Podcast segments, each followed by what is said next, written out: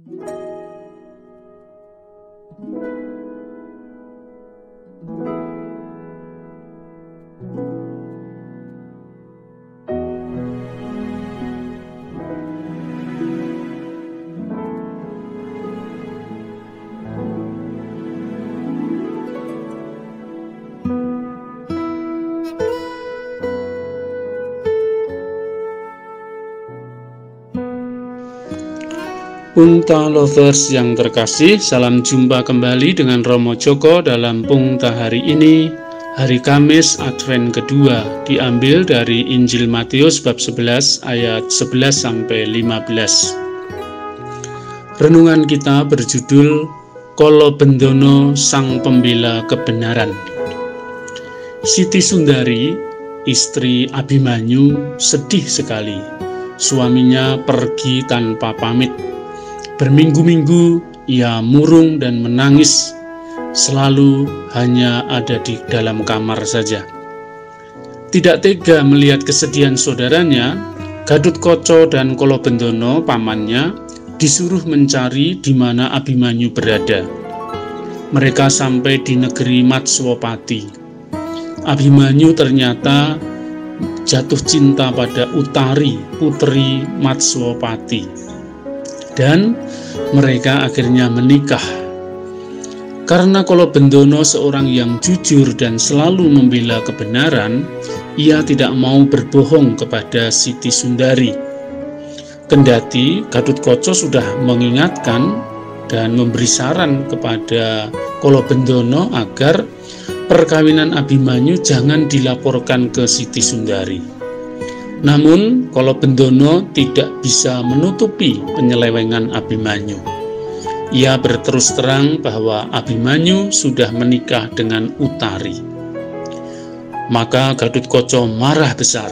Ia menempeleng pamannya itu hingga mati. Dalam sakratul maut, kalau Bendono berpesan, Ger, anakku Gadut Koco, aku sangat mengasihimu Aku tidak mendendam kepadamu. Aku tidak akan bahagia di surga jika tidak bersama-sama dengan engkau. Maka ku tunggu sampai saat perang Baroto Yudo. Saat itulah aku akan bersama-sama kamu naik ke surga. Kalau Bendono mati membela kebenaran dan kejujuran. Pungta lovers yang terkasih, Yohanes Pembaptis adalah nabi yang keras dan tegas. Kata-katanya tajam mengkritik orang-orang yang tidak benar. Kepada kaum Farisi dan Saduki, ia berkata dengan keras, "Hai kamu keturunan ular beludak, siapakah yang mengatakan kepada kamu bahwa kamu dapat melarikan diri dari murka yang akan datang?" Tidak cuma itu, ia mengkritik pedas Raja Herodes yang merebut Herodias, istri Filipus saudaranya. Karena tersinggung, Herodes memenjarakan Yohanes dan memenggal kepalanya. Yohanes membela kebenaran dan keadilan.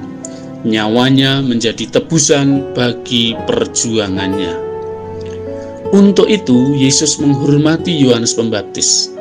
Sesungguhnya di antara mereka yang dilahirkan oleh perempuan, tidak pernah tampil seorang yang lebih besar daripada Yohanes Pembaptis. Oleh Yesus, Yohanes Pembaptis disamakan dengan Nabi Elia. Elia hadir untuk menyadarkan Israel agar kembali percaya kepada Yahweh. Demikian juga Yohanes Pembaptis mengajak umat Israel bertobat kembali kepada Allah untuk menyongsong kedatangan Mesias.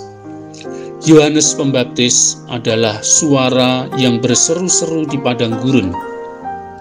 Ia datang untuk menyiapkan hati umatnya agar siap menyambut Mesias.